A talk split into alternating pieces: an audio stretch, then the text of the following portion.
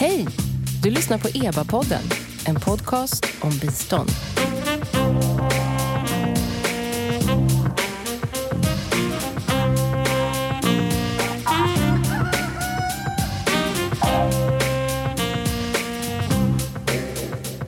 Välkomna till EBA-podden. Jag heter Noomi Östlund och den här podcasten ges som vanligt ut av Expertgruppen för biståndsanalys, EBA. Det är en statlig kommitté som utvärderar och analyserar Sveriges internationella bistånd. Idag ska vi prata om ett av biståndets många begrepp, Nexus. Om du som lyssnar inte har stenkoll på vad det handlar om så har du tur. För jag tänker att vi under dagens samtal ska försöka bena ut vad Nexus egentligen är och kanske varför det är bra att ha koll på. Som en liten teaser kan jag säga att det handlar om skärningspunkten mellan humanitärt arbete, utvecklingssamarbete och fredsbyggande. Och ibland mer än så. Så det är med varmt hjärta jag välkomnar mina tre gäster som alla har en rejäl dos expertis på området. Margareta Wahlström, välkommen tillbaks till podden. Du är före detta ordförande i Svenska Röda Korset och har lång erfarenhet från kris och katastrofarbete inom FN-systemet. Tack ska du ha. Och eh, jag har också Carina Staibano, eh, ansvarig för Nexus-frågor på Sida. Välkommen! Tack! Och till slut Alexander Brolin, departementssekreterare på UD där du arbetar med bland annat migration, säkerhet och utveckling. Välkommen! Tack! Men jag ska också säga att idag är du faktiskt här som min tidigare kollega och redaktör för EBAs antologi om text, med texter om Nexus som publicerades förra året. Så det, det är den eh, rollen du eh, pratar idag helt enkelt. Det stämmer. Det stämmer. Utmärkt! Och ni hör ju här vilka, vilken trio vi har samlat för att hjälpa oss och guida kring begreppet Nexus. Så jag tänkte att vi ska börja med att bena lite i vad det egentligen är. Och Karina, här tycker jag lutar mig mot dig. Hur ska man egentligen förstå Nexus-begreppet? Eh, ja, eh, du säger Nexus och du sa också eh, interaktioner mellan hum, utveckling och fred. Jag brukar vilja använda termen eh, ett ökat samspel mellan det humanitära biståndet, utvecklingssamarbete och fredsinsatser, för det säger lite mer. Man brukar också säga trippelnexus, men nexus och trippelnexus tycker jag ibland säger inte så mycket om vad det egentligen innebär. För mig och för oss på Sida är eh, Nexus, då, det här stärkta samspelet, är framför allt en samordningsansats. Eh, och den syftar till att säkerställa att det sammantagna biståndet i ett land eller i en region eller ett område, det vill säga både det humanitära biståndet och utvecklingssamarbetet, faktiskt både svarar upp mot eh, omedelbara behov, det vill säga den humanitära eh, delen, men att de samtidigt också hanterar risker, sårbarhet, alltså titta på vad har vi för risker, vad har vi för sårbarheter och försöker då bygga en kapacitet för människor och samhällen och stater att hantera de här riskerna. Och sen också vill vi att man i Nexus-satser tittar på då varför det ser ut som det gör. Vad är de underliggande orsakerna till kriserna eller konflikten? Ofta är det en kombination. Så, så det är väl liksom Det är Nexus kort. i ett nötskal. Ja. Kanske något vi ska liksom, eh, sen ge ut som en skrift. Här har vi det äntligen definierat. Men är det något nytt? För det upplevs ju som, eh, i alla fall för, för oss i branschen kanske, som, som något som är väldigt aktuellt. Eh, man pratar mycket om Nexus och det, det kommer rekommendationer om Nexus. Är det, är det här någonting som är helt färskt? Nej, det är det absolut inte. Och det här är någonting som har eh, som internationella samfundet och givare och organisationer har diskuterat i många, många år. Det har hetat lite annorlunda. Syftet har ju varit att hur jobbar vi bättre tillsammans på landnivå i svåra kontexter där vi har väpnad konflikt, andra typer av kriser. Hur når vi människor på bästa möjliga sätt? Och hur säkerställer vi att vi maximerar biståndet för de allra fattigaste? Det, eh, man kan säga att eh, du nämnde en rekommendation, alltså OECDs biståndskommittés eh, rekommendation om, om Nexus som kom 2019. Den är ju väldigt viktig idag för den definierar lite hela diskussionen kring Nexus. Men den vilar på årtionden av olika internationella åtaganden och strävan och diskussioner om hur förbättrar vi samarbete, samordning på landnivå, hur uppnår vi eh, fred, fredliga samhällen och, och så vidare. Så eh, det är ingenting nytt. Men det finns vissa element, om vi går tillbaka till den här eh, Nexus-rekommendationen som OECDs biståndskommitté har kommit överens om så, så, finns det vissa aspekter i den som är lite nya eller som är värda att betona, skulle jag vilja säga. Men och, den bygger på årtionden av, av erfarenhet. Då naturligt tittar jag mot, mot Margareta som ju har just en, en lång erfarenhet. Hur, hur har det här sett ut tidigare? Har det funnits, alltså nu har den här rekommendationen då kommit och man har liksom lyft upp det här som ett begrepp. Har, är det någonting man har saknat tidigare eller är det bara ett nytt begrepp och någonting som man redan har jobbat med länge? Hur, hur, hur ser din erfarenhet ut? Ja, men jag kan säga att min första erfarenhet med det som nu kallas Nexus, det var när på 90-talet så satt vi och fyllde i enorma spreadsheets med vad alla olika organisationer gjorde. Var det här. För jag tror att det startade, och det var så alldeles för länge faktiskt. Det var en väldigt konstgjord uppdelning av att först är det humanitära och sen så kanske man kommer med bistånds ut, långsiktigt utveckling och i värsta fall så finns det en konflikt i bakgrunden och de ska man helst inte ha någonting att göra med om man ska vara riktigt drastisk. Mm. Um, och sen tror jag i samband med i alla fall första gången vi konfronterades med det här var faktiskt eh, förra högkommissarien för flyktingar, Sadako Ogata, som kom tillbaka från Afghanistan och var väldigt upprörd. Därför att eh, det humanitära kanske då tar inte slut, men det börjar av olika skäl krympa. Och sen så ska man komma in med så kallade utvecklingsinsatser eller uppbygga, återuppbyggande etc. Det tar åratal att mobilisera eh, finansiering för eh, utvecklingsbistånd, som mm. ni väl känner till, medan som humanitära är korta och snabba. Ja. Men, så att det där ledde till att folk fick det sämre. Istället för att bygga på någonting bra så försämras det. det. För nu pratar vi mycket om just den här samordningen och det blir, det blir ganska abstrakt. Om vi, om vi får, får luta mig på dig Alexander här. Du har ju studerat Nexus-frågor på plats i Jordanien, eh, tittat på, närmare på syriska flyktingars situation. Om, om vi försöker få lite, liksom, vad, vad, innebär den här, det här glappet mellan systemen för, för, för, för flyktingar till exempel? Ja, men jag skulle säga att nexusbegreppet har speciellt aktualiserats i situationer där man har tvångsfördrivning, flyktingar eller internflyktingar. Och det handlar dels om att eh, tiden som personer spenderar tvångsfördrivna blir allt längre och längre. Så då finns det ett behov av att man behöver gå från att liksom bemöta de kortsiktiga humanitära konsekvenserna till att börja tänka mer långsiktigt, hur kan vi stötta den här krisen under en längre tid? Och ett exempel är Jordanien där vi ser att syriska flyktingar har sökt skydd där i över tio år eh, nu och då kan man inte bara jobba med humanitära insatser utan då måste man också tänka på hur man kan stötta både flyktingarna och världssamhällen eh, mer långsiktigt. Liksom rent konkret, vad innebär det man då man är flykting i Jordanien i, i tio år? Vad, vad, är det för, vad är det för saker som, som försvinner i glappet eller vad är, vad är det för behov som uppstår? Ja, men eh, ett vanligt behov är frågan om försörjning. Det är något man jobbar mer med i Nexus-sammanhang skulle jag säga. Att se till att flyktingar kan ha tillgång till arbetsmarknaden och eh, att de har eh, olika former av olika källor av in inkomster.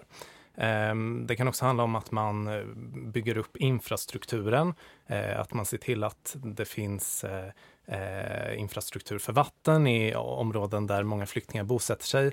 Ehm, så mm, jag skulle säga att man kan använda ett Nexus, en nexusansats i alla olika sektorer, men att det ser lite olika ut beroende på om det handlar om utbildning eller vatten eller ehm, för, och för, den, för den oinsatte så kan det ju vara liksom svårt att förstå svårigheten att samarbeta mellan det humanitära utvecklingssidan och kanske fredssidan. Alltså det, det låter så uppenbart att man, man vill väl samma sak och, och sen, när man har då en situation med internflyktingar eller flyktingar som befinner sig i flyktingläger eller världssamhällen i årtionden. Vad, vad är utmaningen i samarbetet? Margareta, utifrån din liksom, praktiska erfarenhet vad, och, och framförallt kanske från den humanitära sidan, vad är det för utmaningar de humanitära aktörerna ser i samarbetet med, med utvecklingsaktörerna och, och eh, fredsaktörerna?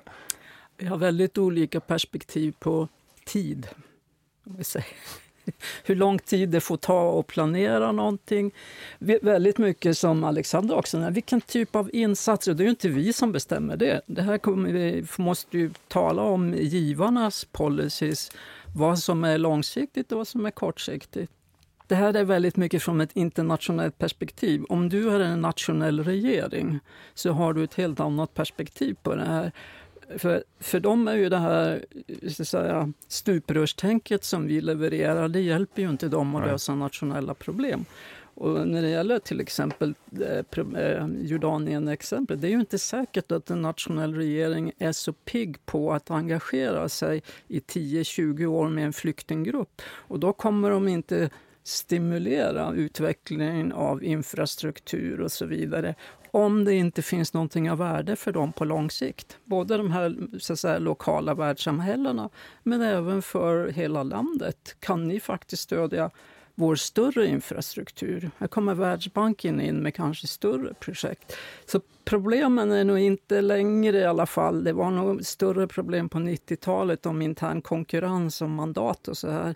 Nu har nog problemet, utmaningen blivit mycket Liksom, hur ska man se på de här långvariga kriserna som kanske egentligen inte har någon lösning och verkligen inte någon humanitär lösning? Mm. Så det är ju ett perspektiv. Men ett annat som är väldigt vanligt är ju relationen till de så kallade fredsbyggande eller fredsbevarande.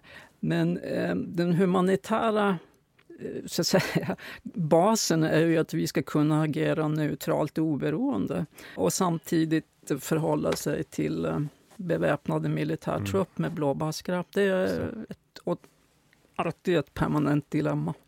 Permanenta dilemman, Karina. Alltså, när Sida fokuserar ju på Nexus-frågor i, i liksom några av de svåraste kontexterna. Vad, vad är det för, för utmaningar ni ser? Jag var på ett möte här för någon vecka sedan och lyssnade på eh, höga chefer inom FN-systemet som pratade om vikten av att jobba i Nexus-ansats. Och alla de kom tillbaka till we, we need a behavioral change, alltså vi behöver en beteendeförändring, en organizational uh, cultural change pratar de väldigt mycket om. Eh, och jag tror att det ligger mycket i det, för vi har liksom en, en eh, och det var ju du inne på Margareta, vi har en biståndsarkitektur som vi har byggt upp under många år som är väldigt, eh, ja, separerad eh, och det blir svårt ibland att samarbeta och samordna sig över de här Ehm, olika områdena. Har vi, har vi, vi säger jag, men har sidan en fördel där som, som är liksom ett, en biståndsaktör som har alla, både liksom det humanitära och utvecklingssidan samlat i en organisation? Eller hur, hur ser det ut internationellt? Är det, är det liksom mer uppsplittrat då eh, på givarsidan? Ja, vi har ju en fördel, för vi har ju både det humanitära och eh, det mer långsiktiga utvecklingssamarbetet samlat. Och vi har fortfarande ett väldigt bra samarbete mellan eh, vad vi gör på HUM-sidan och vad vi gör på utvecklingssidan. Och det är ju en viktig grund, eh, förutsättning för att liksom kunna jobba bra på landnivå tillsammans det är den interna dimensionen av, eh, av Nexus, att alla organisationer, Röda Korsets sida, alla som jobbar på landnivå i de här länderna ska ju internt, hur samordnar vi oss? Hur ser vi till så att vi pratar med varandra eh, mellan hum och utveckling och, och kopplar till det fredsstödet vi har. Sen den andra dimensionen är, hur gör vi det här då i land X? Hur gör vi det här i Somalia? Hur gör vi det här i DRK? Hur gör vi det här i Sudan? Hur samordnar vi oss med alla andra aktörer? FN, eh, lokala organisationer, civila samhället, andra givare. Så det, är liksom, det finns flera olika dimensioner av Och det är ett unikt Nexus-pussel i varje, varje kontext? Absolut, så är ja. det. Um. Om vi, om vi fortsätter att fokusera på, på utmaningar här för att verkligen eh, understryka eh, problemen till att börja med i alla fall. Alexander, du, du, när du var hos, hos oss på EBA så ordnade du ju tre runda bordsamtal som fokuserade på Nexus-frågor med, med, internationella experter. Vilka var utmaningarna som de lyfte upp som, som särskilt viktiga? Ja, det finns nästan mer utmaningar än man kan räkna på.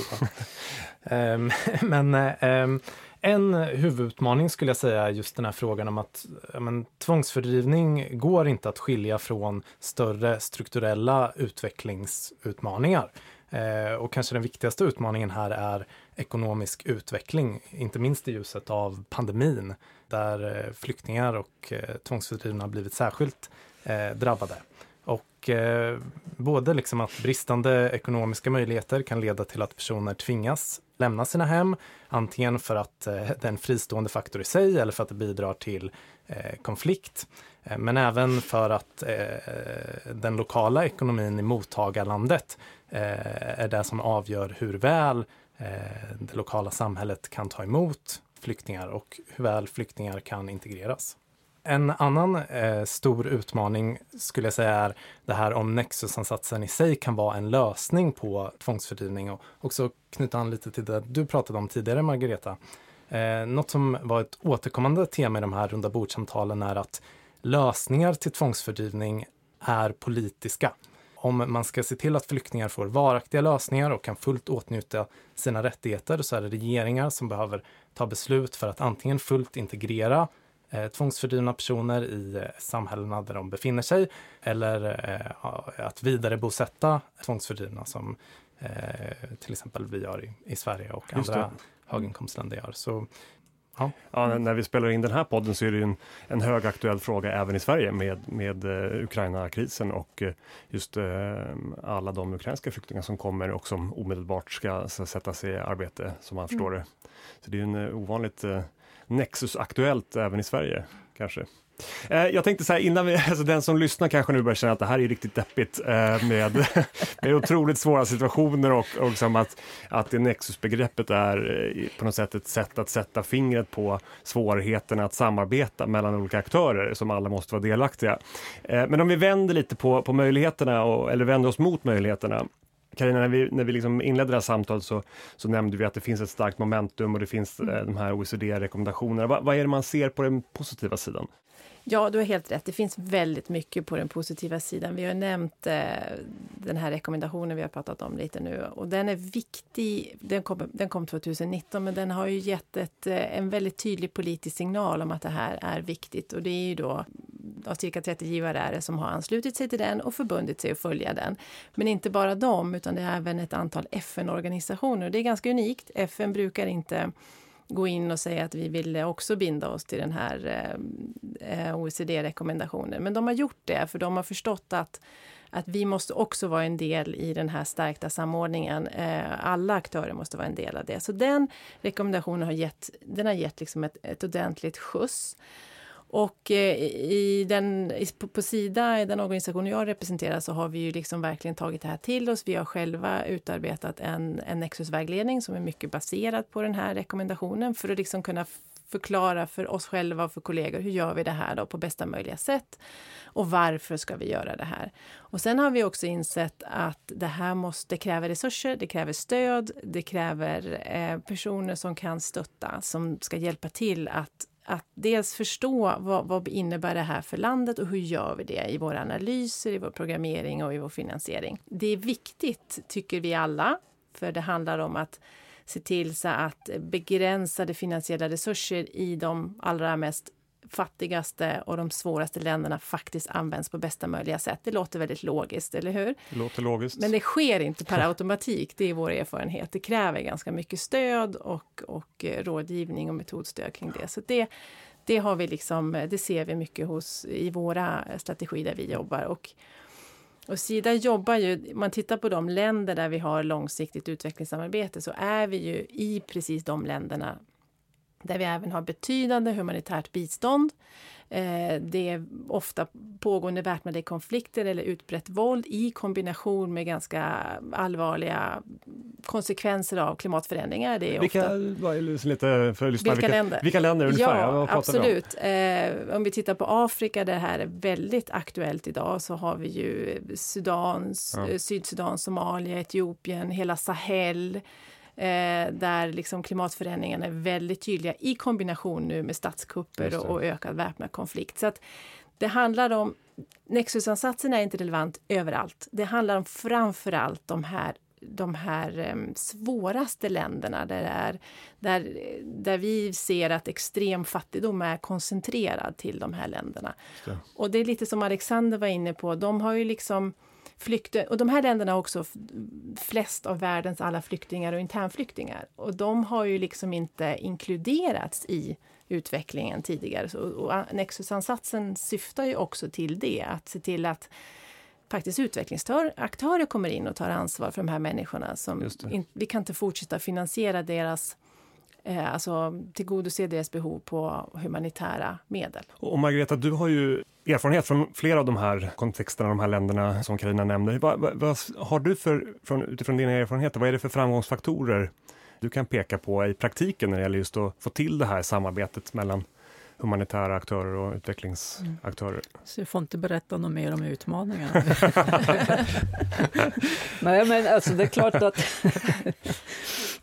Eh, eh, en sak som jag tycker har blivit väldigt bra, det är att nu är det okej okay att säga att koordinering, det är inte bara det att det är bra att vi ska göra, men det kostar faktiskt tid och resurser. Och det måste det få göra, för det, allt det här kräver ju bara mer.